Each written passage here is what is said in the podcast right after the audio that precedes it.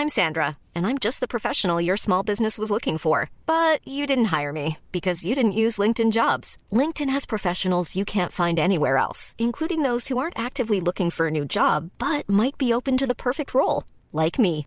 In a given month, over 70% of LinkedIn users don't visit other leading job sites. So if you're not looking on LinkedIn, you'll miss out on great candidates like Sandra. Start hiring professionals like a professional. Post your free job on linkedin.com/people today. Quality sleep is essential. That's why the Sleep Number Smart Bed is designed for your ever-evolving sleep needs. Need a bed that's firmer or softer on either side? Helps you sleep at a comfortable temperature? Sleep Number Smart Beds let you individualize your comfort so you sleep better together. JD Power ranks Sleep Number number 1 in customer satisfaction with mattresses purchased in-store. And now, save 50% on the Sleep Number limited edition Smart Bed for a limited time. For JD Power 2023 award information, visit jdpower.com/awards. Only at a Sleep Number store or sleepnumber.com. A lot can happen in three years, like a chatbot may be your new best friend. But what won't change? Needing health insurance. United Healthcare Tri Term Medical Plans, underwritten by Golden Rule Insurance Company, offer flexible, budget friendly coverage that lasts nearly three years in some states. Learn more at uh1.com.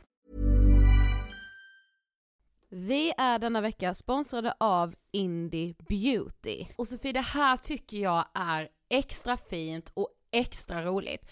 Ja men Indie Beauty är ju ett skönhetsvarumärke som jag tror att väldigt många känner till, men det jag älskar mest det är att Indie Beauty liksom vill vara mer än bara produkter, vilket de ju också är. Exakt, Indie Beauty står ju för Independent Beauty, skönhet på dina villkor och för din egen skull.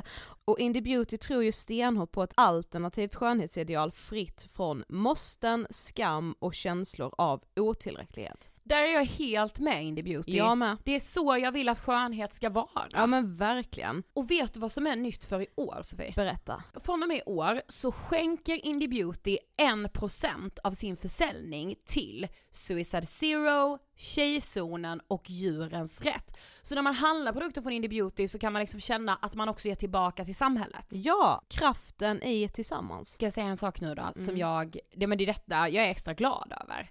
Nu har Indie Beauty tagit fram en keps och den tycker jag ändå så på sommaren, skydda sig från solen. Jättebra, jag älskar kepsen. Men det bästa, de bidrar till Suicide Zeros viktiga arbete för att minska antalet självmord och självmordsförsök.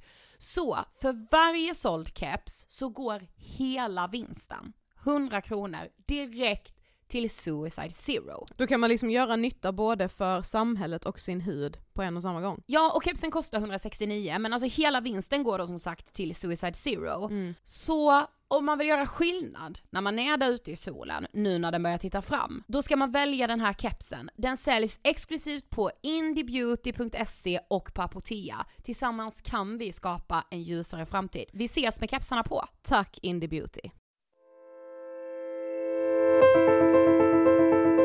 Nu ska vi ägna oss åt ett ämne som tyvärr är ständigt aktuellt, nämligen våld mot kvinnor i nära relationer.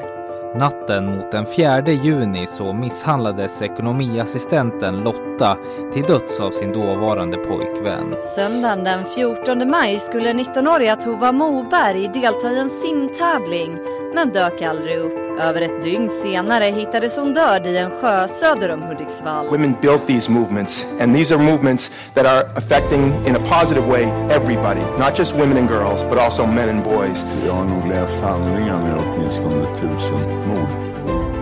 Men, men det här är en av um, ja, de värsta då, i någon slags um, sån mening som jag har tittat på. One in three women experience violence at the hands of their husband or partner. That's over 800 million women worldwide. morgon i helgen så släpptes ju den tidigare polischefen Göran Lindberg villkorligt efter att ha avtjänat två tredjedelar av sitt straff som var på sex år. Han dömdes bland annat för misshandel och grov våldtäkt. 28 Klockan 18.23 skickar Lisa Holm ett sms till sina föräldrar i Skövde där hon säger att hon precis ska åka hem. En knapp timmes resa. Det här smset ska senare visa sig vara det sista livstecknet från henne. Du lyssnar på Ångestpoddens serie vi måste prata om kvinnohat och idag träffar vi journalisterna Kerstin och Kristina som i tio års tid dokumenterat vartenda fall i Sverige där en kvinna blivit dödad av sin partner. Hej allihopa och välkomna till avsnitt 255 av Ångestpodden och vår serie Vi måste prata om kvinnohat. Ja, jag är jättetacksam återigen för alla fina ord ni ger oss om den här serien. Den har varit helt otrolig och hygglig mm. att göra. Och avsnittet idag har vi haft med oss på ett sätt, det, det känns som jag säger det varje vecka, men Fast liksom... det här har ju varit, det här som vi ska prata om idag har ju varit genomgående i alla avsnitt som mm. vi har tagit upp tidigare, det här är ju liksom del 5 och det kommer också vara med oss i sista delen som är nästa vecka. Ja och hela vårt liv. Ja. Vi har träffat våra idoler, nämligen journalisterna Kerstin Wigel och Kristina Edblom. Yes. De är journalister på Aftonbladet och de har alltså i tio år mm. dokumenterat vartenda fall i Sverige där en kvinna blivit dödad av sin partner. Ja, alltså vi har ju också läst deras bok i händelse av min död mm. som är, alltså nej men jag, alltså om inte alla får läsa den här boken i skolan så vet jag inte vad. Nej men alltså den är obligatorisk läsning. Ja. Den är, alltså den beskriver liksom, alltså jag, jag vet inte vad jag ska säga, alltså en sanning och ett samhällsbygge som inte funkar, den beskriver mm. liksom en sanning som ingen vill se. Alltså vi kvinnor är så utsatta, mm. vi blir mördade och det blir ingen jävla rättsskandal. Nej, precis, alltså det är det som känns så skamligt när man läser boken. Jag blir ju också rädd, inte bara för att man som kvinna är utsatt eh, på det viset att man kan bli utsatt mm. av den man älskar allra mest, utan man är också utsatt på ett sätt där man om man blir utsatt av en man inte har det skyddsnätet Precis. som jag som ändå skattebetalare tycker att jag är värd. Men du vet alltså så här också, vi har ju, det ska ju sägas att vi har byggt den här intervjun på boken i händelse yes. av min död. Mm. Man behöver absolut inte ha läst den för att lyssna på intervjun. Nej. Och den handlar ju som vi sa om hur kvinnor dör i Sverige, mm. men den handlar ännu mer om hur de lever. Mm. För det är det Kristina och Kerstin verkligen har tagit reda på att så här hur lever de här kvinnorna dagarna, månaderna, åren innan de blir mördade? Mm, och vad händer med de som blir kvar, alltså barnen, föräldrarna till de här kvinnorna, syskon, andra anhöriga. Och framförallt hur samhället inte förmår höra de här kvinnornas avgrundsdjupa rop på ja. hjälp många mm. gånger. Och hur man också sviker barnen som blir kvar, kanske ja. med deras pappa som har mördat deras mamma. Alltså när vi sitter här nu idag Sofie, du och jag poddar, vi mm. spelar in det här introt, det är måndag, det är torsdag när det här släpps. Mm.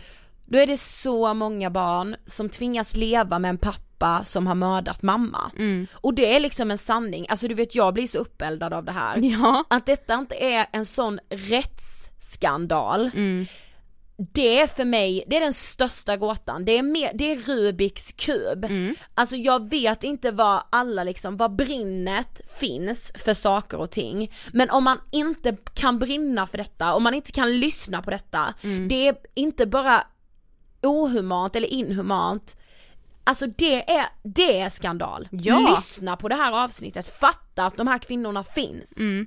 Ja eller så finns de inte längre på grund av att vi inte har lyssnat tillräckligt.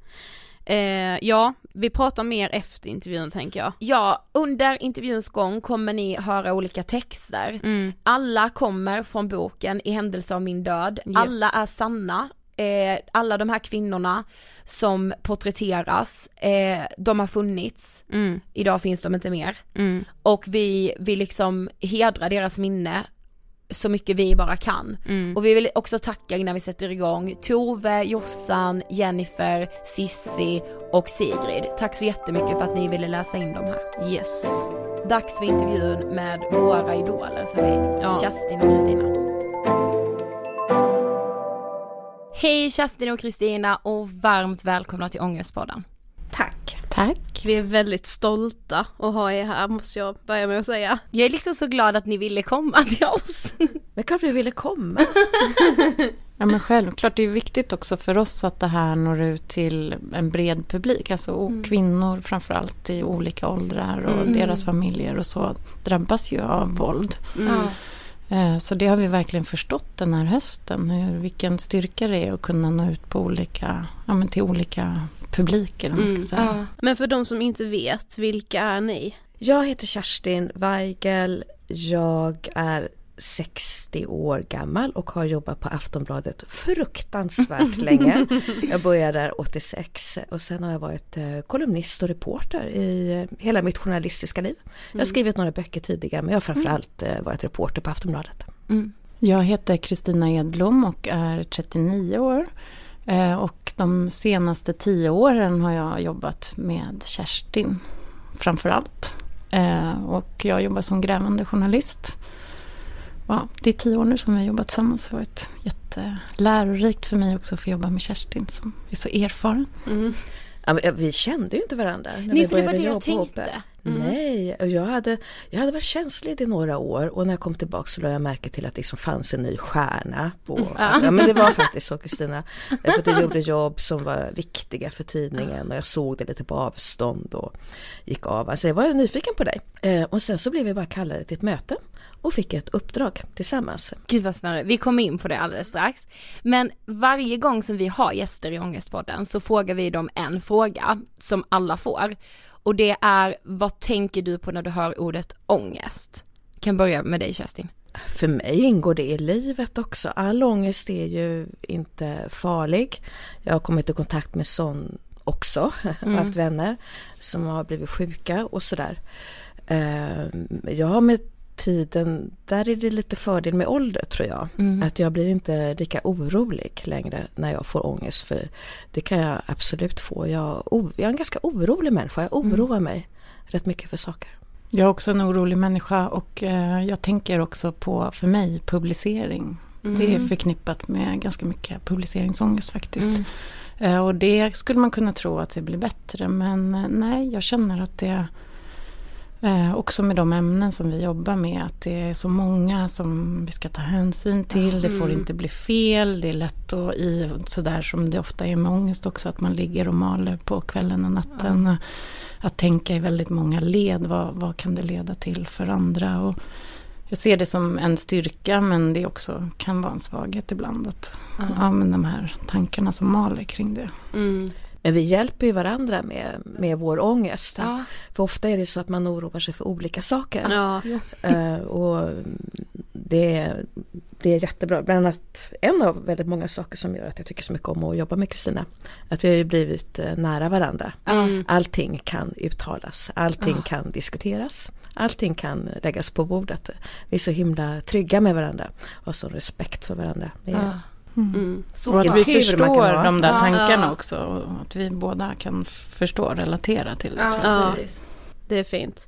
Men ni har ju i tio år gjort en granskning av mäns våld mot kvinnor.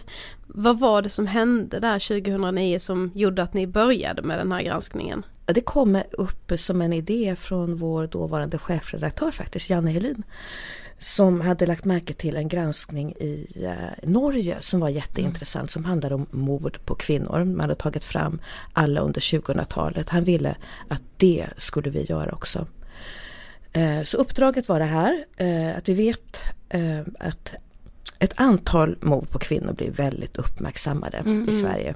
Och ofta har det varit en ung kvinna som försvinner gåtfullt och hittas dödad Precis. någonstans. Därför att det är en historia som vi på något sätt alla känner igen. Mm. Men så är det massor med andra mord som bara blir en liten liten notis i tidningen, lägenhetsbråk, kvinna död, familjetragedi. Den sortens historia som man sen aldrig får veta någonting om. Ja. Och så det var den journalistiska idén. Att vi skulle ta fram alla mord på kvinnor för att se vad är det som pågår egentligen. Mm. Hur, många, hur många kvinnor har dödats under 2000-talet och framförallt vilka var de? Vad ledde fram till morden? Så det är det dödliga våldet då som vi har ägnat oss åt då så lång tid. Mm. Och då har vi ju kommit i kontakt med många kvinnor som levt med våld. Mm. Men vi har egentligen aldrig granskat de mekanismerna utan mer när det har lett hela vägen då fram till dödligt våld, mord, mm. dråp. Mm. Det, det, det, är viktigt att skilja på det men ja, det finns många, många paralleller såklart. Mm, precis. Väldigt många av kvinnorna i vår granskning har ju varit utsatta för våld och levt i sådana relationer. Mm. Så det är klart att vi har lärt oss mycket då bakvägen på det viset men vi, vi vad det gäller det vanliga våldet om det mm. nu går att säga så, yeah. så är det många andra som kan mycket mer än vi men vi kan ju väldigt mycket om det dödliga våldet. Mm. För det tog oss då för tio år sedan så tog det oss vad var det, fyra månader. Vi började i januari, publicerade i maj. Det tog ju väldigt lång tid att få fram eh, vilka, att få fram alla, alla, alla mord. Så första januari 2000 men vi lyckades med det till slut. Mm. Och då var de 153. Och det var en stor publicering, den pågick under en vecka och blev jätteuppmärksamma. Alltså framförallt fick vi så mycket respons ifrån läsarna. Mm. Och det var ju då kvinnor som skrev och ringde och berättade att ja, det kunde varit jag nästa gång kanske det är mig ni skriver om. Oh. Och det var sån otrolig igenkänning för dem också. Den rädslan som de levde med. Och som, så är det ju fortfarande. Det går väl nästan inte en dag utan att en våldsutsatt kvinna som kanske lever gömd eller på olika sätt kämpar för sig och sina barn hör av sig till mm. oss. Det var ju så fruktansvärt starkt för oss. Kvinnor som läste i smyg på nätterna. Ja. Och kommer ihåg den här kvinnan som tuggade i sig bitar av tidningen därför att de satt i bilen och, och hon blev så rädd för att han skulle se att hon hade den här tidningen. Det blev så, blev så starkt för oss att vi kunde ju inte sluta. Nej. Det var då vi bestämde oss för att fortsätta den här granskningen för att det, ingen annan hade gjort det. Det var unikt. Och vi ja. förstod att den verkligen behövdes. Kvinna, 22 år. Pojkvännen hade missbruksproblem men hon såg det goda hos honom och trodde hon kunde rädda honom med sin kärlek. Hon mördades med kniv och en hantel. Grannarna hörde slagen i uppemot 20 minuter. Dödad 27 mars 2006. Men jag tänkte också på, visst är det det dödliga våldet som då utförs av någon som den här kvinnan har varit tillsammans med eller är tillsammans med. Ja, mm. just det. Bra att du säger det. Mm. mm. En kärleksrelation. Mm. Ja, mm, precis. Och väldigt ofta så är det ju i samband med separation. Ja. Antingen att de har separerat eller att eh, hon har sagt att hon vill eh, skiljas eller lämna relationen. Mm. Det är ju det absolut vanligaste. Ja, vi, när vi hade med oss eh, Olga från Unison Eh, och då sa ju hon just det, alltså att den farligaste perioden för en kvinna är ju månaderna efter att hon har lämnat. Mm. Och det för mig var så här, åh oh, gud, då, alltså det, att, att det liksom, att man är så utsatt då, det är så obehagligt. Mm. Att jag vet inte vad liksom. Men vi tänkte läsa lite innan till för ni skriver så här. Varje månad dödas minst en kvinna av en man hon älskat, litat på och i många fall fått barn med. Hon mördas fast hon i många fall bett om hjälp och själv varit övertygad om att hon kommer att dö. Vart är skandalen? Och det har vi också frågat oss när vi har gjort research, liksom vart är skandalen? Hur har det känts för er i det här liksom att fråga sig det? Ligger som en bubblande frustration tycker jag. Mm. Eh, för det är klart att vi har fått mycket uppmärksamhet för den här eh, undersökningen och mm. den har blivit liksom känd och vi vet att makthavare läser den och forskar och andra människor.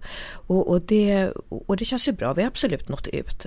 Men det blir inte någon sån här folklig Nej. resning eller det närmaste man kan tänka sig som har hänt i den vägen det var nog mordet på Fadime Saindal tror jag. För att det. efter Fadimes död så mm. kunde ju ingen längre påstå att hedersvåld inte fanns i Sverige. Eller sådär. Då, då, blev det den sortens skandal kan ibland ha stor betydelse. Mm. Alltså enskilda historiers kraft ja. är ju eh, stor. Men det har inte hänt. Samtidigt kan jag känna lite att det finns ju en risk också att vi nästan vänjer oss. Och det där skrev ju vi nu, för det var inte så himla länge sedan. Och det var, det var, det var nästan så självklart för oss att vi inte riktigt först tänkte att vi skulle formulera det så tror jag. Det var, och det är också lite läskigt faktiskt att, eh, Ja. Ja, att ja. vi måste påminna oss om det. Det är inte så att, att man kan aldrig vänja sig vid de här historierna. Nej. Eller, det går aldrig att um, vänja sig vid. Och till exempel att få kontakt med den här, en kvinna som så tydligt har skrivit om att hon kan dö, som har bett om hjälp och läsa det i en mordbrottsutredning. Det är för varje gång ju eh, oerhört eh, drabbande och Mm. upprörande och så. Men det här andra, liksom samhällets mottagande, det kan jag känna ibland att jag kanske Att lite för givet. Jag har det. vant mig lite. Det Men, men inte, när jag fast tänker inte nu senaste tycker jag när vi eh, fick en anledning att ändå göra en reflektion. Mm. Och det var mordet på två kvinnor ganska tätt bara dagarna efter varandra. Mm. En kvinna som blev skjuten på öppen gata i Ja. Malmö. Mm. Och några dagar efter en annan kvinna som blev skjuten i en lägenhet. Och Ja. de här kvinnorna då hade levt med, med män som var i kriminalitet. Om jag har förstått det Mm. saken Ja. rätt. Ehm, och då blir det ju ett jäkla liv. Mm. Och alla partiledare uttalade sig. Precis. Alla skrev om det här. Otroligt stort i media. Eh, civilminister Damberg han åkte ner till Malmö följande dag. Och gjorde väldigt starka uttalanden. Och han sa så här. Det här våldet får aldrig bli en normalitet. Och det är ju en stark reaktion. Och den reaktionen har aldrig kommit eh, efter mordet på en enskild kvinna. De flesta kvinnorna blev dödade i sina egna sängar Mm. av en man eh, som hon i många fall hade varit rädd för. Precis. Och, och då blir inte det en skandal. Och vi, när vi pratar om det så säger vi att det är klart det måste ha att göra med synen på brottet. Mm. Ja, precis. Och det är så himla starkt också hos de här familjerna som vi har haft kontakt med under alla dessa år. Eh, vilken sorg och besvikelse det är för Mm. dem. Att det inte har blivit mer. Att Mm. Den här frågan, var är skandalen? Den är ju högst levande för dem. Precis. Och det är därför som många också vill dela med sig och berätta. De har ju en jättestark önskan om att det ska leda till förändring. Att, eh, att eh, de kunna hjälpa andra i samma situation. Och att det ska, politiker, poliser, makthavare, att de ska få upp ögonen för de här frågorna och så. Mm. Och eftersom det inte riktigt har hänt ännu, även om kunskapen har ökat och så, så måste vi dra slutsatsen att det dröjer sig kvar en syn på just de här morden som eh, ändå är enskilda familjetragedier. Mm. Ja. Eh, som eh, bara inträffar som någon slags naturlag Ja, och att det är beklagligt och det är hemskt men det är inte så mycket att göra åt det. Mm. Och, och det stämmer ju inte riktigt för när vi tittar bakom de här brotten så finns det ju så ofta en insyn, eh, varningssignaler. Ja. Mm. Men det blev, för, ja. ja för det känns så sjukt för att det känns ofta som att man kan skylla på att det är så svårt att lägga sig i någon annans relation. Men precis som ni också skriver och lyfter i, i boken att men många av de här kvinnorna har ju bett om hjälp och det är så många olika instanser som har vetat om att hon far illa. Det är liksom Försäkringskassan, polisen, sjuksköterskor, alla möjliga och ändå är det ingen som har gjort någonting trots att hon har bett om hjälp. Där någonstans är ju skandalen egentligen. Där är skandalen. Det är ju samtidigt komplicerat. eh, Mm, För det såklart. hoppas vi när man läser boken att man verkligen förstår Ja, det här. Det mm. är inte enkelt. Nej. Det är inte enkelt. eh. Och det är inte så enkelt heller att man kan säga att ingen har gjort något. För så är det inte heller. Utan ehm, de kan ha fått, absolut ha fått hjälp. Och eh, det har funnits många fall där tror också personer inom myndighet har känt en jättefrustration över att inte kunna göra mer. Mm. Kvinna, 31 år. Hon tog mod till sig och berättade för exmannen att hon tänkte söka ensamvårdnad om barnen. Han hotade att döda henne och hon ringde polisen. Dagen efter köpte han en kniv och väntade utanför hennes port. Dödad 29 november 2010. Det har ibland varit eh, inte tillräckligt med hjälp eller eh, otajmad hjälp Mm. så att säga. Eh, Så visst är det komplicerat. och Det framgår av flera berättelser i Ja. boken. Mm. Och det tar, och det, det vanligaste är att en kvinna lämnar en farlig relation flera gånger Ja. Mm. innan hon slutligen kommer ur Så att säga. Mm. Men det som var väldigt så här, talande för mig var liksom när ni beskrev i att så här, ja men det kan bli en liten notis i lokaltidningen, alltså vi båda kommer från Blekinge, från Karlshamn och jag vet att man har läst om där så här, ja, eh, lägenhetsbråk eller kvinna dödad, men att det då är den här lilla, lilla notisen och sen blir mm. det inget mer. Det är ju också skandalen.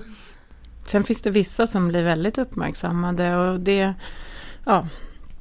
Och en förändring som, som vi har sett ju är att i alla fall på senare år är det vanligare att kanske just de här frågorna som vi sitter och pratar om nu, mm. att det har funnits tidigare varningssignaler, kanske dokumenterat som är lätta att hitta. Det kan faktiskt vara en sån sak som gör att ett mord på en kvinna får mer uppmärksamhet. Mm. Så att det, det har absolut, där har det absolut skett en förändring. Ja på synen på brotten. Ja, vi tycker att det är fler journalister nu också som just söker mm. i de här rättsfallen och, och vill lyfta fram. Lyfta systemfelen. Och... Ja.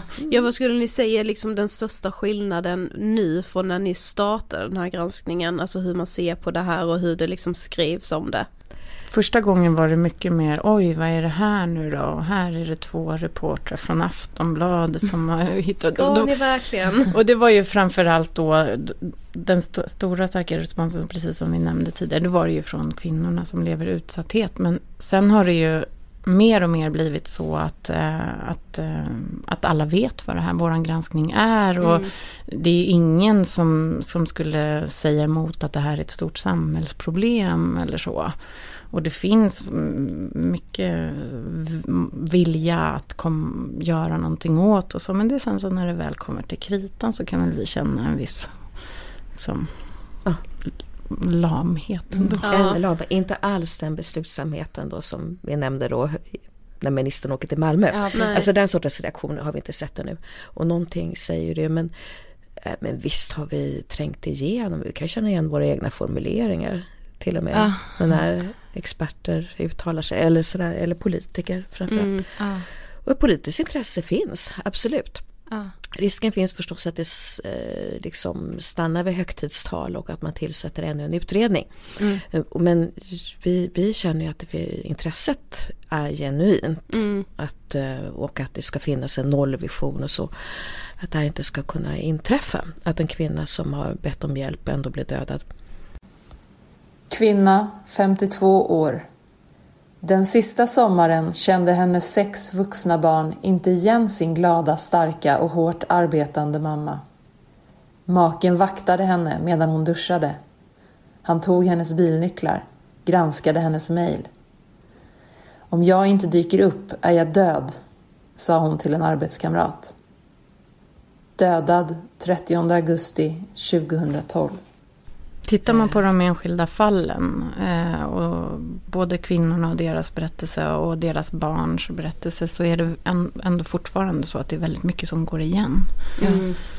Eh, samma misstag eh, som begås. Ja för det är det som man slås av med när man läser boken, ju så här, att det är samma misstag, att man inte kan, alltså så här, man måste ju kunna lära sig av de misstagen som görs när en, en kvinna dör, liksom när hon blir mördad. Så här, det här ska inte kunna hända igen. Och vad, vad var det som gick fel här som gjorde att hon inte lever idag, men det är den känslan man får att så här, det är liksom det man inte inte ser händer. Det känns som att är det liksom, händer en trafikolycka på en stor motorväg så kollar man liksom, ah, vad hade kunnat göras för att det här inte ska hända igen, man bygger upp de här säkerhetsstaketen, mm. man kanske liksom ändrar på något sätt för att det ska bli säkrare att köra där. Men man gör inte samma åtgärder när en kvinna dödas av en man som hon har älskat. Mm. Det är den frustrationen man Vilken liksom jättebra känner. jämförelse. Ja, det är klart att det går att agera beslutsamt ja. när man upptäcker systemfel och, och, att, man, att man skulle vill, vilja göra allt mm. för att det inte inträffar. Så tror ju varken Kristina och jag att vi eh, vi kommer inte få ner siffran till noll, Nej. tror vi. Men en del av de här morden skulle absolut kunna undvikas. Ja. Och men det går ju framåt. Men det gör faktiskt det. Men det går ju bara så himla långsamt. Ja. Och det var i många, många år har man pratat om att, att de här eh, att våldet måste upptäckas av vårdpersonal. Mm.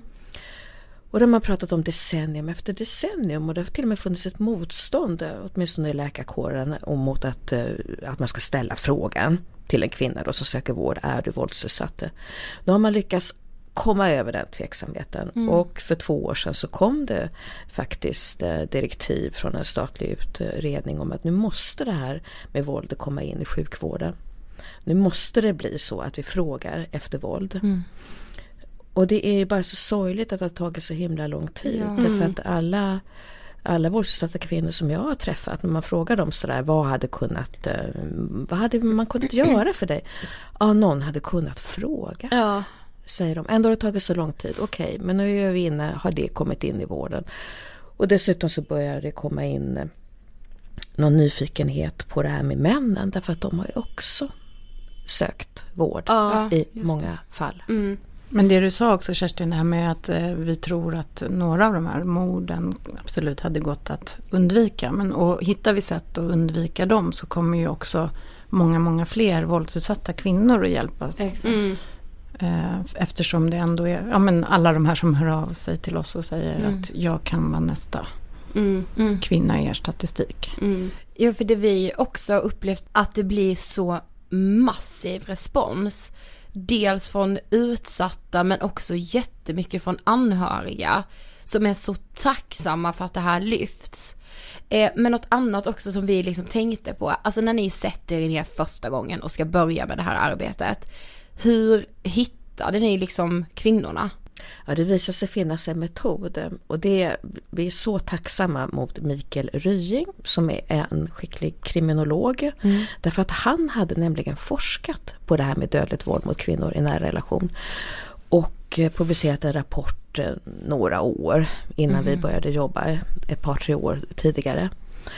Uh, därför att vi visste inte hur vi skulle bära oss Det fanns ju inga sådana uppgifter i några Nej. myndighetsregister eller så. Uh, och då kontaktade vi honom och då berättade han hur han gjorde. Och då tänkte han att det här är så himla omständigt så kommer de här journalisterna aldrig orka. uh, och så gjorde vi det. Men han har varit uh, till superbra stöd i alla Sättet år. vi jobbar då på det är ju att begära in uppgifter om alla anmälningar om mm. dödligt våld mot en kvinna. Och sen får man sitta och gå igenom dem och sålla ut då vilka som är relevanta. Och när vi började så var det 21 länspolismyndigheter i Sverige. Eh, så då var det ju att vända sig till varje en av dem och så sitta och gå igenom de här olika långa listorna då med anmälningar. Eh, och stämma av mot domar och polisutredningar och så. Och särskilt svårt var det ju i de fall där gärningsmannen tar sitt liv. För då går det ju aldrig vidare till, det blir en polisutredning där man slår fast um, dödsorsak och, och så vidare. Men det, det, går ju aldrig vidare till rättegång eftersom det inte finns någon gärningsman, gärningsman att ställa till svars. Mm. Eh, och de var ju kanske extra trixiga för oss att få fram en sån polisutredning. Mm. Och det var, ja, som ni hör, det var ju eh, krångligt alltså. Det var mycket mm. listor vi gällde att orka. Vi är ganska visar sig som tur är att vi som personer är ganska så välorganiserade, till och med mm. lite förtjusta i siffror och dokument och, och så. Jag, jag har en slags lockelse för både Kristina och mig. Mm. Men då hade vi ändå bara gjort en del av jobbet när vi hade hittat alla fallen. Därför ja. att senast visste vi från början att vi var tvungna att kontakta alla anhöriga. Mm. Dels för att de hade ju rätt att få veta att vi mm. gjorde den här undersökningen. Även så ville vi eh, fråga vad vi kunde publicera just om deras Aha, mamma, ja. dotter. Om vi kunde få en bild och, eller vad vi skulle skriva och sådär. Och sen så visade det sig att, och det hade vi nog inte riktigt tänkt på från början tror jag, att de var ju så enormt viktiga informationskällor. Ja. Det var ju de som visste det här som inte alltid framgick då av, av de andra dokumenten. Mm. De kände ju till hennes livssituation utan och innan. De hade ju ofta bevittnat på nära håll mm. hur hon hade försökt komma ur en relation och, eh, och visste även vad som hade hänt med övriga familjen ja. efter mordet och så. Så det var ju otroligt viktiga samtal. Och, och det är ofta fruktansvärt lång tid. Ja, mm. Det är ofta de också som har försett oss med dagböcker och brev och annat ja. som ju har varit vårat sätt att försöka få kvinnornas egna ta tillvara på deras egna röster och berättelser. Mm. Så det är framförallt ja, men brev, dagböcker och sen också i de fall där det har funnits tidigare polisanmälningar så har det mm. kunnat finnas tidigare polisförhör som vi kan ta del av. Och i något fall också rättegångsprotokoll och så. Okay. Alltså det var super superviktigt men det kändes ju som att leva i telefon i mm. månader. Ja, för att eh, anhöriga till 153 dödade kvinnor det ah. kunde handla om många kontakter och att man var tvungen att ringa om och om igen eller en kvinna mm. kanske hade åtta barn eller ni förstår. Ja, ja, ja. Det var väl, väldigt ja. omfattande. Och då hade vi ju inga, eller vi hade ju mobiltelefon men det var ju verkligen inte det främsta arbetsredskapet som Nej. det är idag utan då satt man med de här stora lurarna fastkila mellan eh, axeln och örat och så här, kunde sit, få röda märken ja. efteråt kommer jag för suttit ja. så länge och pratat och nästan faktiskt bara lyssnat kanske, för det är ju så väldigt mycket. Ja. Eh, att eh, vi behöver ju oftast inte fråga så mycket. Mm. När vi väl har fått förklara vad det är vi gör och varför och så, så, ja, så är det inte så det var ju svårt från början. Ja, tyckte verkligen. jag. det är fortfarande Vad svårt. Vad säger man? Man mm. ringer. Men det kunde ju bara handla om ett mord som inträffade åtta år tidigare. Ja. Och, så, och vi visste inte var vi hamnade någonstans. Vi kunde hamna hos någon eh, kvinna som satt på spårvagnen eller på jobbet eller ja. lagade mat eller skulle hämta på dagis och så har vi det här ärendet. Mm. Och i några fall för de personerna var det ju som fritt fall var ju svårt. Ja. För både dem och mig. Mm.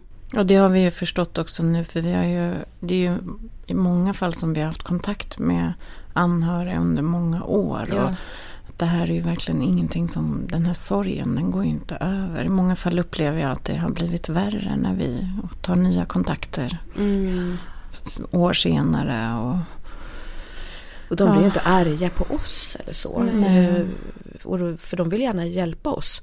Men de kan fortfarande bli så förtvivlade mm. och få ja, ångest. Mm. Men upplever ni att de ändå liksom, vill man berätta historien vidare? Och, och, och vill man liksom, blir det på något sätt deras upprättelse i att de har förlorat, ja men en dotter eller en mamma liksom, vad är, vad är oftast känslorna de har?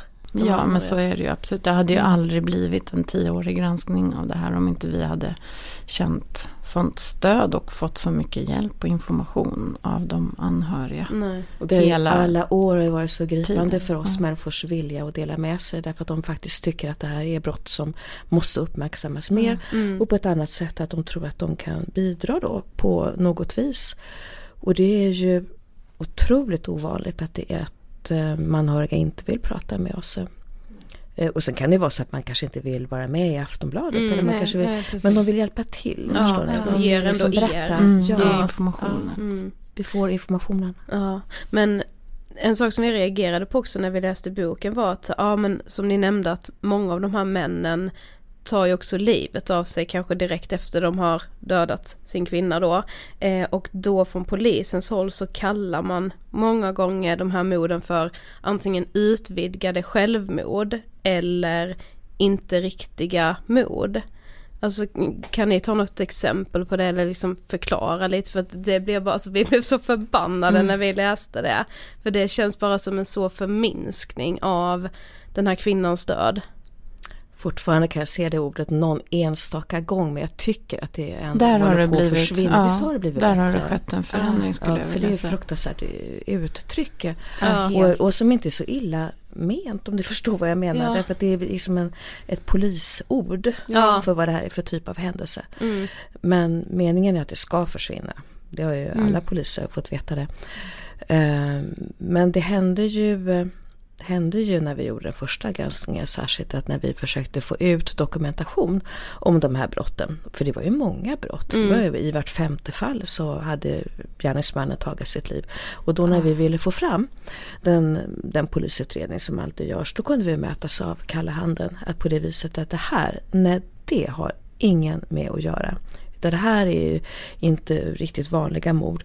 Och och då, särskilt var det då när det var en, en gammal man. Mm. Som hade dödat ett äldre sin, par. Ett äldre par. Eh, som hade dödat sin fru och sedan sig själv. Och där var i flera fall så valde poliser att se det som att det inte riktigt var riktiga brott utan att det skulle varit en barmhärtighetsgärning. Ja, och man, man, kan inte utesluta att det i några fall också har varit ett gemensamt beslut Mm. faktiskt.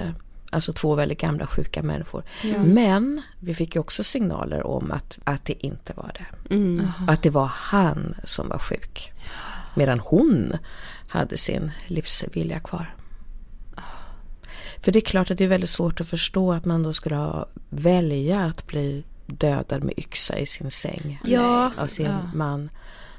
Faller liksom lite grann på sin orimlighet. Sen där, i de där utredningarna, för där har de ju inte samma krav på I'm Sandra, and I'm just the professional your small business was looking for. But you didn't hire me because you didn't use LinkedIn jobs. LinkedIn has professionals you can't find anywhere else, including those who aren't actively looking for a new job but might be open to the perfect role, like me.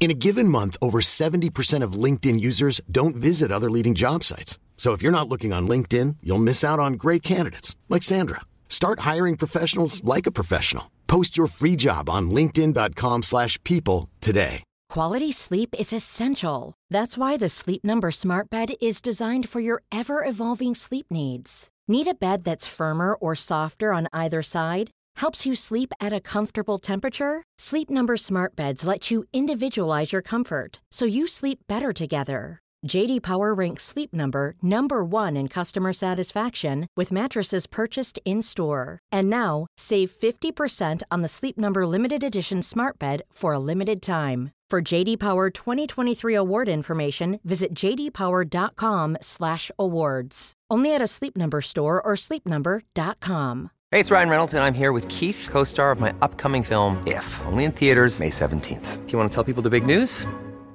All right, I'll do it. Sign up now and you'll get unlimited for $15 a month and six months of Paramount Plus Essential Plan on us. Mintmobile.com slash switch. Upfront payment of $45 equivalent to $15 per month. Unlimited over 40 gigabytes per month. Face lower speeds. Videos at 480p. Active Mint customers by 531.24 get six months of Paramount Plus Essential Plan. Auto renews after six months. Offer ends May 31st, 2024. Separate Paramount Plus registration required. Terms and conditions apply if rated PG. Sig att kunna presentera bevis för en Nej. domstol och så vidare. Och det är inte, kanske, jag tror inte ens att de är åklagarledda, de utredningarna. Ehm, men där kan man verkligen se hur olika det är. Att det kan vara polisutredningar som är så ambitiösa där de verkligen har, trots det här då, eh, velat eh, gå till botten, ta reda på de bakomliggande orsakerna, Mm. eh, höra familj och så vidare. Och sen finns det de som är bara några sidor och ett konstaterande i princip. Så att eh, ja, det, det kan ju se väldigt olika ut. Mm. Ja, för det mesta tycker vi poliserna är jätteengagerade i de här brotten. Till och med som Kristina beskrev nu att man har pratat med folk på jobbet och grannar och barn och bara Ja. för att få liksom fram en riktig berättelse. Mm. Om, och det är ju jätteviktigt, särskilt när det finns barn och så Precis. om, i de här fallen, att de får så många svar som det bara går Mm. på sina frågor. Precis. De ska ha mer än bara så här en sida i en liten journal typ. Alltså om Mm. de vill veta mer när de kanske blir lite äldre så ska det finnas, ja men det ska finnas den där berättelsen. Det känns ju verkligen viktigt. Men Precis. verkligen. Mm. Men vi, vi var inne lite på det innan, men under ert arbete så insåg ni också att det fanns liksom mycket material som kvinnorna hade lämnat efter sig. Allt ifrån brev, dagböcker. Berätta lite om det. Ja, det hörde vi talas om redan från början. Ah. Och när vi arbetade med boken så har vi ju verkligen sökt sådant material. Därför Mm. att det var ju på det viset som vi kunde få fram de här dödade kvinnornas egna röster. Genom att läsa vad de själva hade skrivit. ja. Mm. Brev och dagböcker och lappar och eh, nu för tiden även så här Facebook-konversationer och sms-växlingar. Och, Mm. Så vi har liksom verkligen eh, sökt allt sånt för att inom situationstecken lära känna henne lite mer inifrån. Mm. Vad hon var för människa och hur hon kan tänkas ha resonerat och reagerat i olika situationer. Mina älskade barn, föräldrar och vänner. På många sätt känns det patetiskt att skriva detta. Som att jag planerar för min död eller så stor skada att jag är oförmögen att göra något själv. Men det är precis så det är. Eftersom jag lever i en värld där vad som helst kan hända vill jag att ni ska veta några saker. Jag vill också att ni tar hjälp av polis och myndigheter gentemot Matte om något skulle hända mig. Detta vill jag för er trygghet och för att han aldrig ska kunna ta något från er. Varken er självkänsla eller något ekonomiskt. Kim Hedberg, mördad 2009. Mm. En av de personerna som vi skriver mer om i boken är ju Kim Hedberg mm. som ja. skrev ett brev till sina barn.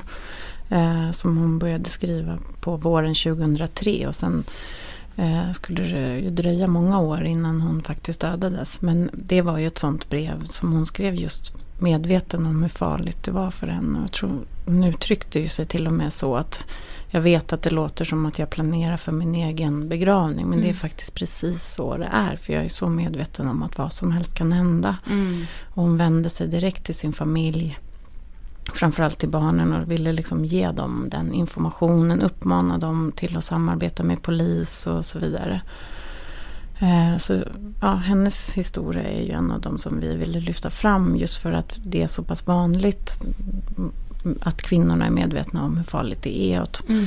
De sista månaderna i hennes liv så var hon ju otroligt så, säkerhetsmedveten. Hon hade, gick runt med telefonen och 112 inknappat på mobilen. Hon såg till att få um, någon som följde henne hem på kvällen. Hon förde dagbok eller anteckningar mm. över vilka som passerade, bilar som skrev upp regnummer som hon såg utanför sitt fönster och, och så. Eh, så det är ju ett sånt väldigt tydligt exempel på ja. mm. när det finns bevarat. Det känns ju också som att många av de här kvinnorna liksom skriver dagböcker eller anteckningar för att de någonstans vet att det kommer behövas för att de är så övertygade om att de någon gång kommer dö av det här våldet. Ja, det, det är liksom, det är så jävla hemskt bara att de ska känna att det är de som måste föra anteckningar för att det inte är någon annan som gör de anteckningarna. Ja, jag, alltså man blir så jävla upprörd när man tänker på det. Men samtidigt så hjälper det ju till. I hennes fall så, så har vi också kunnat ta del av eh, journal, sjukjournaler, eh, tidigare polisanmälningar och polisförhör och så. Mm. Jag kan inte berätta lite om Kim Hedberg, hennes fall. Ja, Kim Hedberg var sjuksköterska, mamma till tre barn som hon hade en väldigt nära relation med. Eh, och hon träffade en man eh, som hon, när hon hade redan lämnat sin barnen till barnens pappa. Mm. Eh, och gifte om sig. Eh, och förändrades ganska mycket enligt hennes vänner och även familjen och så. Eh, och i många år då levde hon ett så lite av och på förhållande med den här mannen. Som, eh, det fanns tidiga uppgifter om våld. Eh, mm. Och det var ju det hon skrev om i det här brevet. Um, och um, den hösten då när hon 2009 när hon dödades då hade hon ju bestämt sig för att bryta helt med honom. Uh, och det var då det blev precis så farligt som hon hade befarat. Och hennes um, döttrar och nära väninnor och så är övertygade om att hon behöll kontakten med sin exman för då hade de redan separerat. Just för att det var en strategi för henne att liksom kunna säkerställa sin egen säkerhet. Ah.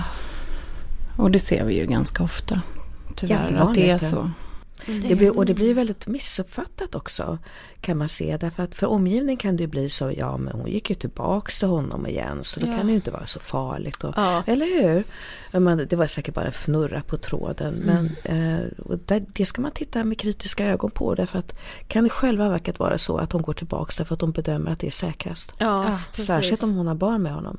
Lite säkrare att eh, han tror att han fortfarande har tillgång till henne och att hon också kan lösa av hans Precis. mående och reaktioner och så. Ja, det är mm. nästan, kan jag känna ibland, en av de, en av de viktigare eh, saker som jag hoppas att vi kan bidra till på något ja. vis och krossa lite den där föreställningen om kvinnorna som går tillbaks. Ja, det vet jag att vi reagerade jättestarkt på igår när vi läste om Lovisa Eriksson. Eh, där hon till och med fick sträng order om att hon gick också tillbaka till den här mannen som också till och med var dömd tidigare för mord. Eh, att hon inte fick liksom vistas på skolan när hon hade tagit tillbaka mm. honom, att det blev så här alla liksom vände henne ryggen för att hon var den som var dum i huvudet som tog tillbaka mm. den här mm. farliga mannen. Men ingen frågade henne ifall hon var rädd för den här väldigt uppenbarliga, uppenbarligen farliga mannen då. Mm. När hon behövde hjälp ja. att helt enkelt bli av med honom. Ja. Därför att ja. han hade ju tvingats in i hennes yes. hem igen. Ja. Och då när hon behövde hjälp så blir hon istället straffad framförallt med socialtjänsten tycker att hon måste vara en värdelös mamma som har mm. låtit honom flytta tillbaka. Precis, hur tänker hon liksom? Ja, ja, istället för att ge henne stöd i det som hon verkligen behövde. Ja. Mm. Det är ju verkligen, verkligen inte det enda exemplet på att eh, inom socialtjänsten att det krockar de här som jobbar med mot barnen och har den utredningsperspektivet och eh, de som ska jobba mer med kvinnoskydd och ah. så. Och det känns ju som en sån grej som borde gå att komma till rätta med. Mm. Hur jävla svårt kan det vara? Mm. Ja. Men vad är det då för krock som liksom uppstår där? Kan inte du berätta om den, om Amine Kerstin? Ja, det är en, en annan kvinna i boken, mm. Amine. Eh, det är ju som med Amine att hon gör så att säga allting rätt. Ja. Därför att när han har slagit henne vid ett tillfälle så blir hon på allvar rädd för honom och bestämmer sig för att hon måste ur den här relationen fast hon har två barn med honom. Eh, hon polisanmäler, Eh, de fotograferar hennes skador, de tycker att hon ska kontakta socialtjänsten, hon går dit, hon svarar på alla frågor, eh, de tycker att hon ska bo på skyddat boende och då gör hon det. Men sen blir hon hittad flyttas till ytterligare boende, blir hittad igen. Och under tiden då när hon behöver som mest stöd, vad händer då? Jo, hon bor på skyddat boende där det inte finns någon personal då på helgerna. Eh, hon vill det här leder också till en lång historia så jag ska inte dra allting. Men ett av hennes stora problem är att hon har kommit in på en utbildning som hon väldigt gärna vill gå. Och det förstår hon inte riktigt hur, hur det ska gå till om hon samtidigt ska leva på skyddat boende. Och hon har på förslag kanske kan läsa på distans eller på något vis. Och allting blir liksom bara nej. Dörrarna stängs för en hela tiden. Då ger hon upp. Då tänker hon, ja, jag kan lika gärna flytta hem. För det första så hittar han ju mig själv hela tiden. Mm. Och hon litar inte längre på att hon kommer att få samhällsstöd. Så hon flyttar hem igen och så blir hon dödad några veckor senare.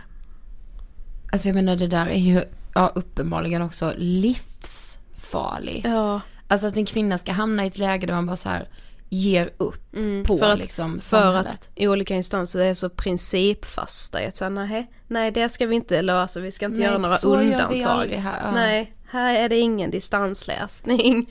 Men det finns inget sammantaget skyddssystem. Nej, Nej det precis. kan också vara så att socialtjänsten sinsemellan också säger olika saker. Mm. En handläggare säger till Amina, ja men det här är ju jättehög risk för dödligt våld. Du måste bo på skyddat boende.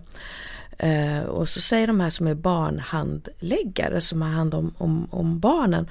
De tycker på ett helt annat vis att ja men de tycker att det är helt okej okay att ett av barnen flyttar tillbaks till sin pappa mm. som är dömd för att ha misshandlat mamma inför mm. barnens ögon. Och så där ser det ut. Va? Det finns inget sammanhängande system Nej. för hur man ska hantera våld i samhället och det kan bli så fruktansvärt fel. Mm. Det är också så sorgligt hur, hur det drabbar barnen ja. i de här relationerna alldeles oavsett vilken roll socialtjänsten har eller inte har haft så är det ju en, ja det var väl det som slog oss allra starkast när vi började den här granskningen. Det tillsammans med att det är ett sånt fruktansvärt övervåld. Eh, det går nästan inte att ta in tycker jag att de far så illa, barnen. Något som man nog kan ställa sig som fråga om man lyssnar är så här, nu har ni ändå jobbat med det här i tio år. Finns det någonting som de här kvinnorna har gemensamt? Mer än att de har träffat en man som har mördat dem.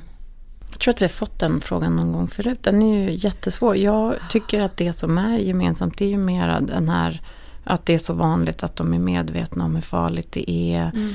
Eh, att de har pratat om det, att de har bett om hjälp och så vidare. Men det är väl inte riktigt det du frågar efter utan mera utifrån vilka de är eller gemensamma drag och så. Jag känner att jag har inget svar Nej, heller. Och därför att din, din fråga som är helt begriplig den, den innehåller ju nästan början till den här gamla föreställningen att det måste vara något fel på kvinnorna Precis, som, alltså som går att bli dödade så här hur som helst. Mm. Och många, vi har ju fått den frågan och man vill kanske gärna så föreställa sig att de är speciella på något vis. De här mm. kvinnorna, att det finns något gemensamt, att det finns en svaghet som gör att vi redan från början förstår att hon kanske ska bli döda. Men det gör ju inte det. En annan myt om de här kvinnorna tror jag kanske är att, att de har varit väldigt eh, sköra och mm, mm. svaga och som kanske svag kvinna. Hur ska man annars kunna bli ihop med, med en man som dödar en? Eh, men så är det ju inte. Nej, jag vi, hoppades vi att de verkligen att ni skulle säga nej, ja, att det inte fanns det. Så att man nej. verkligen så här, de är få, alltså- påfallande alltså, starka och det ser man ju på de här berättelserna över boken precis, också. Mm. Och överlag, alltså Nej, det var en kvinna som skrev till ja. mig bara häromdagen som sa att, eh, ja, men att jag får ofta, för hon hade beskrev hur hon själv hade levt i en sån här relation som nästan hade kostat henne livet. Eh, och nu hade klarat sig ur det och hon sa att så, får ofta den föreställningen, eller möta den här föreställningen om att att det är våldsutsatta kvinnor som hela tiden söker sig till de mm. relationerna. Att det upprepar sig. Och så mm. att hon tyckte den var så, hon tyckte det var så frustrerande att, eh, att det fanns um, att, att hon var tvungen att liksom möta den fördomen. Ja, att, att hon det... kände att för mig är det precis tvärtom. Men jag kan mm. också förstå så att det kan vara på annat sätt för andra. Men just ja. att det här att man hela tiden vill hitta generaliseringar. Ja, mm. precis. Och att det också blir ju då att då lägger man ju plötsligt ett ansvar hos kvinnan också. Mm. I att säga, nej men du, du, kan inte hålla på, varför söker du den spänningen? Om det nu är så att så här, mm. eller alltså vad den må vara, att så här, ansvaret ligger väl aldrig någonsin hos kvinnan över att hon blir mördad liksom. Nej. Aldrig någonsin. Kvinna, 37 år. Hon vill leva ensam med de tre yngsta barnen men var rädd för sin man som var våldsam och kriminell. Flera gånger sökte hon vård för allvarliga skador och socialtjänsten kopplades in. Varje gång tog hon tillbaka sina vittnesmål. Dödad 13 juli 2017. Men många av de här kvinnorna som vi också varit inne lite på nu eh, efterlämnar ju barn. Men vad säger då de här barnen? Alltså hur mår de? Man kan ju se det på olika vis. Vi kan tycka att de med tanke på vad de har varit med om att det ändå går ganska bra för mm. många av dem. Men det är klart, å andra sidan så är det ett, det är ett livslångt trauma. Eh, och det är alldeles för många barn som inte får det stöd de behöver och i några fall inget stöd alls. Och det är ju ganska chockerande, ja. tycker vi. Sen tycker jag att de lämnas ensamma med sina frågor. Som de kommer komma. Om de inte kommer i samband med mordet så kommer de komma senare. Och när det har handlat om små barn så är det inte ovanligt att det poppar upp i samband med puberteten. Eller när man mm. kanske bara börjar bli lite äldre och kan förstå på ett annat sätt mm. innebörden av att min pappa mördade min mamma till exempel. Eh, och eh, vår erfarenhet är att de flesta ändå på något sätt vill ha informationen. De vill få mm. ställa sina frågor och de vill vara delaktiga i det. Sen är det inte alla som orkar. Det är många som känner jag kanske jag orkar inte just nu men jag vill mm. gärna veta att jag kan. Mm. Eh, så småningom. Eh, och där tycker jag att det är nästan obefintligt vilka ja, möjligheter de har. Och det fallerar hela vägen. Vi blir ju helt förtvivlade när vi inser att, att samhället kanske är på fötter precis dagarna efter mordet. Och att det finns då, och man förstår ju att man måste erbjuda de här barnen vårdpsykiatrin. Ja. Men alla är vi olika. Om det är då en tonåring som först säger nej. Och så får han aldrig frågan mer. Nej. Någonsin. Och det var någon eh, som hade en idé om att egentligen, därför att så fruktansvärt många barn handlar det inte om, behöver man egentligen ha en individuell plan för varje barn. Mm. Så att de inte kan bli bortglömda och borttappade. Mm. Så. Eh, och det är nog inte så dumt. Nej. Nej. Men var det svårt för er att bestämma att ni skulle prata med barnen? Ja. Eller rättare sagt, vi visste ju att vi, var, att vi skulle prata ja. om att vi borde göra det och, ja. och, vi förstod att det skulle bli jättestark journalistik och att det var viktigt och, och sådär. Men sen när det kom till kritan så kände vi nog båda, eller åtminstone jag, väldigt starkt att det också var en svår uppgift. Mm. Eh, och då började jag ringa runt till olika mm, personer som jag visste hade mött de här barnen. Som vars mamma hade blivit dödad. Mm. Eh, terapeuter och jag pratade även med andra som var liksom vana att träffa barn i kris. Ja. För då tänkte jag att de kommer säkert att säga nej. Nej men det här går ju, nu kan jag inte intervjua traumatiserade barn och vad är det här för? Eh, och då sa de allihopa att så här, ja äntligen sa de. Mm. Ni måste prata med barnen. Ja. Åh vad bra. De får aldrig komma till tals. Deras bild kommer aldrig med och så. Eh, och det var ju stärkande. Ja, det var jag ändå, var inte, jag tycker att jag har känt det i magen just när jag pratar med barnen. Man ska möta dem för första gången. Därför att det är mänskligt. Jag är ju också människa. Och det kan vara svårt att möta någon mm. som har sett sin mamma bli dödad. Det kan kännas svårt. Eller hur? Det är ja. mänskligt att man uh, hur ja, gör jag nu? Men, men, i situationen som den var så var det inte svårt. Nej. Men det vore ganska fruktansvärt om vi inte kände ja. så. Att ja, vi, du har rätt i. Mm. Ja. Jag tror inte vi skulle göra ett bra jobb då. Nej, Eller? men skulle vi inte vara människor också? Det Nej, är man ändå först och främst. Uh, ja, för ni träffade ju bland annat åttaåriga Alexandra. Mm. Hur var det? Det var ganska omtumlande. Jag har det minnet väldigt starkt i mig. Mm. Det var en sen uh, höstkväll. Uh, just i november som vi har nu. Mm. Um, och hon var ju bara åtta år så att jag hade ändå förstått och fått lite tips om hur man pratar med, med åttaåriga barn. Jag är själv barn men, men ändå. Och med så små barn så kan man ju vara väldigt så saklig. Mm.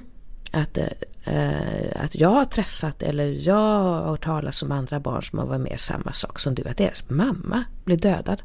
Kommer du ihåg det? Ja, och sen kunde man bara fråga, jaha, ja, vad hände sen? Och, och då berättade hon hela historien. Mm. Eh, så det var bara och lekte samtidigt. Så att vi ålade efter henne där. Så bara lyssnade på hennes historia. Och så rätt var det så var hon färdig. Mm. Och då ville hon prata om helt andra saker. Mm. så ja. som barn gör. Eh, så var vi, efteråt visste vi inte hur vi skulle göra. Därför att hon bodde då hemma hos sin eh, biologiska pappa. Mm. Det var mammas pojkvän som hade dödat mamma. Eh, och pappan var nog inne på att vi måste förändra hennes röst. Mm. Och då försökte vi göra det och så insåg vi att det går inte. Det skulle bli helt absurt. Hon skulle låta som en liten kalanka eller ja. som hon var drogad och just med en barnröst det skulle bli så groteskt. Mm. Så då klippte vi ändå ihop på förslag en, en bit av, det här ljudet och så skulle jag skicka det till hennes pappa och det kom på fredag morgon och han skulle höra av sig snarast och hela fredagen gick och tänkte så här, men jag förstår det också, det här blir ändå för närgånget mm. att Alexandra berättar den här historien. Och så sent på kvällen så kom det plötsligt ett sms och så stod det Nu har jag gråtit färdigt. Det här vill jag att ni publicerar. Oh. Och då visade det sig att hon hade berättat det här för oss mycket mer än vad hon har berättat för pappa. Oh. Därför att en åttaåring känner ansvar för sin pappa och pappa ska helst inte bli ledsen och så. Så han hade fått mm. veta mycket mer. Ja, det var ett starkt ögonblick. Mm. Han Men hade ju också rådfrå rådfrågat en psykolog som de hade oh. kontakt med och så. så att, alltså sådana saker känns ju också viktiga för oss. Alltså mm. Det är ju lättare ja. när det finns ett starkt nätverk runt barnen. Mm. Ja. Mm. ja, det är klart. Sen har vi haft, eh, hållit kontakten med henne också. Mm. Ett av de barn som vi har eh, hållit kontakt med och intervjuat igen och då var hon 14 år. Oh, Gud, ja. eh, så några av de här barnen tror jag vi kommer att ha kontakt med i många år. Det är så ja. intressant. Det var ju en väldigt speciell höst, alltså just som du säger, det var ju så november, december som vi åkte runt och träffade barn och intervjuade. Du var gravid dessutom. Ja, just det. Det var, 20, ja. måste vara, det var hösten 2012. Ja, jag väntade Aha. mitt första barn. Och, ja. ja, det, var, det var ju också ska vi säga att det var ju, vi förstod ju ganska snabbt att det var det här med barnen. Det var någonting som vi, vi pratade om dem hela tiden. Från början var det ju liksom kvinnornas mm. rop på hjälp mm. och systemfelen. Så här, det var ju det som var vårt stora liksom, mål med den första granskningen när vi räknade de här 153 kvinnorna. Och sen fortsatte vi räkna. Så, men, vi pratade hela tiden om barnen och det poppade ju upp i domar och polisutredningar men framförallt också i samtalen med alla familjer då som vi hade ja. kontakt. De kunde säga lite, ja men jag har ju sånt problem här med mina barnbarn och de, nu hotar de att sära på dem. Det kunde vara ja. små saker och vi sa hela tiden, det här, vi, måste, vi måste göra något om barnen och så. Mm. Och så hörde vi sådana saker som vi inte förstod, att det verkade som att, um, att deras pappa pappa fortfarande var vårdnadshavare ja. och det var umgänge och det var liksom Vi hade liksom inte riktigt tid att fördjupa oss på allvar i det men vi bestämde oss ju genast att vi måste göra någon, en eh, ordentlig granskning. Mm. Ta reda på vad, vad har hänt med alla barnen. Mm. Och vi började samla liksom, sådana vittnesmål och uppgifter och uppslag. Liksom, det här måste vi kolla, hur kan vi kolla det här och så vidare. Och sen så ja, men sen satte vi igång den granskningen där 2012. Och då jagade vi uppgifter om alla barn till mördade kvinnor, alla mm. fortfarande minderåriga mm. barn till mördade. Så hur, eh, var bor de någonstans och vem är vårdnadshavare, hur går det för dem, hur mår de? Vi gjorde en enkät med alla familjehemmen. Mm. Och då fick vi fram väldigt mycket intressant och skakande information. Mm. Men vad skulle ni säga är de vanligaste så systemfelen, dels kring de här kvinnorna som faktiskt har mördats men också kring barnen?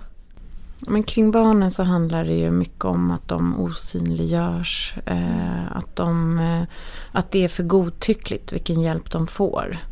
Ibland kan det vara jättebra och ibland inte alls. Det, så får det inte vara. Det ska inte vara upp till vilken kommun de Nej. råkar bo i eller så. Utan det ska, det ska vara säkert så att alla barn som drabbas av det här får.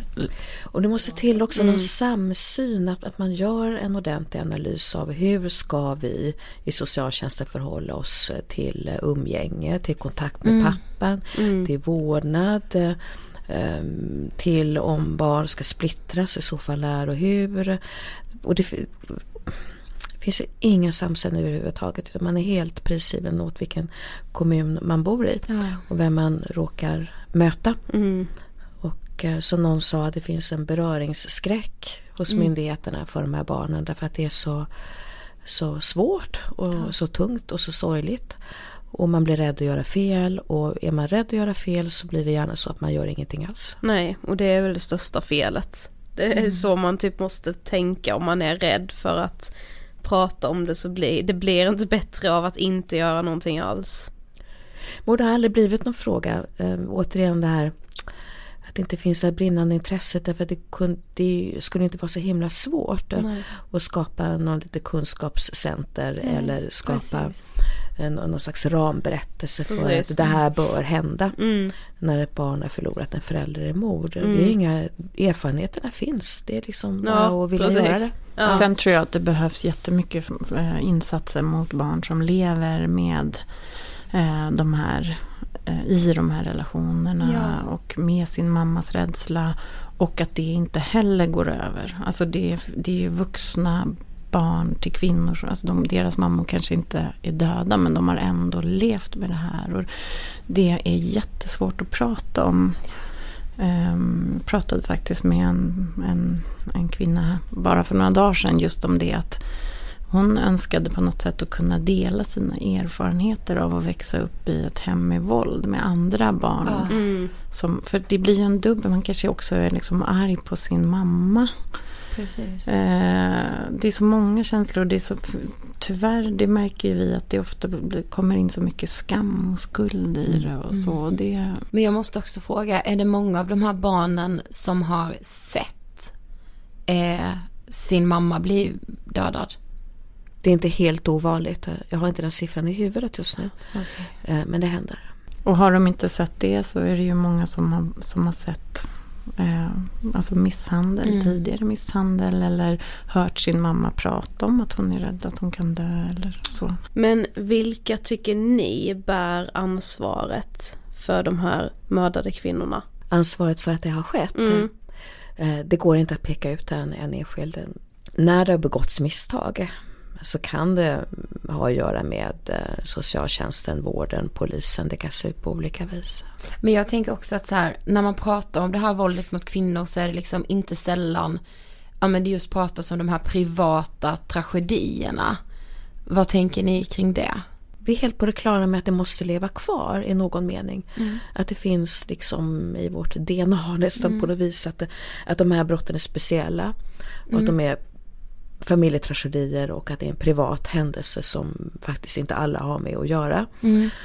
Och det tar jättelång tid att, förändra sånt tänkande. Men vi vet ju samtidigt att det går att förändra Ja. synen på brottet. Det, händer ju hela tiden. Tänk hur det var med, med barnaga Ja. som ansågs ingå i vår kultur. Precis. Eh, och det var också liksom en familjeangelägenhet Ja. eh, om man använde fysiska bestraffningar eller inte. Mm. Det tycker ju inte vi idag. Nej. Nej, det tycker inte lagstiftaren heller. Det är ju en försvårande omständighet när det kommer till påföljd till exempel. Att, eh, att en, eh, som i det här fallet då, en kvinna dödas i sitt hem eh, där hon ska känna sig trygg av den hon har en relation med eller en exman. och så lagen är det verkligen inget fel på, tycker, tycker vi. Nej. så. Utan det är ju ehm, ja, den, den, i någon mening den synen på brottet Mm. som jag tror vi har lite till mans. Mm. Mm. Vi har kommit till sista frågan. Vad inspirerar er? I det här fallet så är det ju definitivt alla starka mm, barn, föräldrar, syskon, vänner som trots att det är så jobbigt för dem eh, delar med sig av sina erfarenheter och berättelser för att de tror att det kan leda till en förändring. Mm. Jag håller med. Tack så jättemycket för att ni ville gästa Ångestpodden. Ja, men tack för att vi Tack. Ja, där, eh, där har vi liksom sanningen. Ja. Och sen, alltså på något sätt så, alltså jag blir ju, jag blir ju glad, det känns fel att säga, men jag blir ändå lite lugn i att så här, jag litar ju på Kerstin och Kristina när de säger att det har verkligen hänt Ja, saker. verkligen. Vi har verkligen kommit framåt. Att man liksom tidigare kunde se, prata om de här morden som inte riktiga mord eller utvidgade självmord, det ska man inte säga längre idag och det vet liksom poliskåren, Mm. vet också att det var felaktigt att benämna de här morden på det sättet. Så vi har kommit framåt, men på någonstans blir jag också ledsen att man kallar det här framåt, Ja. för vi har ju fortfarande, det är fortfarande kvinnor som dör. Och vi kommer ju fortfarande kunna läsa i lokaltidningarna om lägenhetsbråk eller familjetragedier. Ja. När det är mord, Mm. alltså de kvinnorna blir ju mördade. Mm. Och någonting som jag verkligen har lärt mig genom hela den här serien, men kanske framförallt när jag läste boken, just det här med att jag har själv tänkt om andra kvinnor att men vad tror du då när du går tillbaka till ett sånt svin? Alltså vad tror du ska Mm, hända? mm. Inte att man ska skylla sig själv, men så här, men hur kan du inte lämna? Mm. Men jag fattar ju någonstans nu att så här, att fortsätta vara med den här farliga mannen kan ändå vara det minst farliga i stunden, för lämnar man helt och hållet så vet man att han kommer hit, leta upp en och döda en. Precis. Man kan ju tänka sig, men om jag bara kammar honom medhårs så, så lever jag lite till. Ja men också att så här när kvinnan lämnar, Mm. då måste vårt samhällsnät Mm.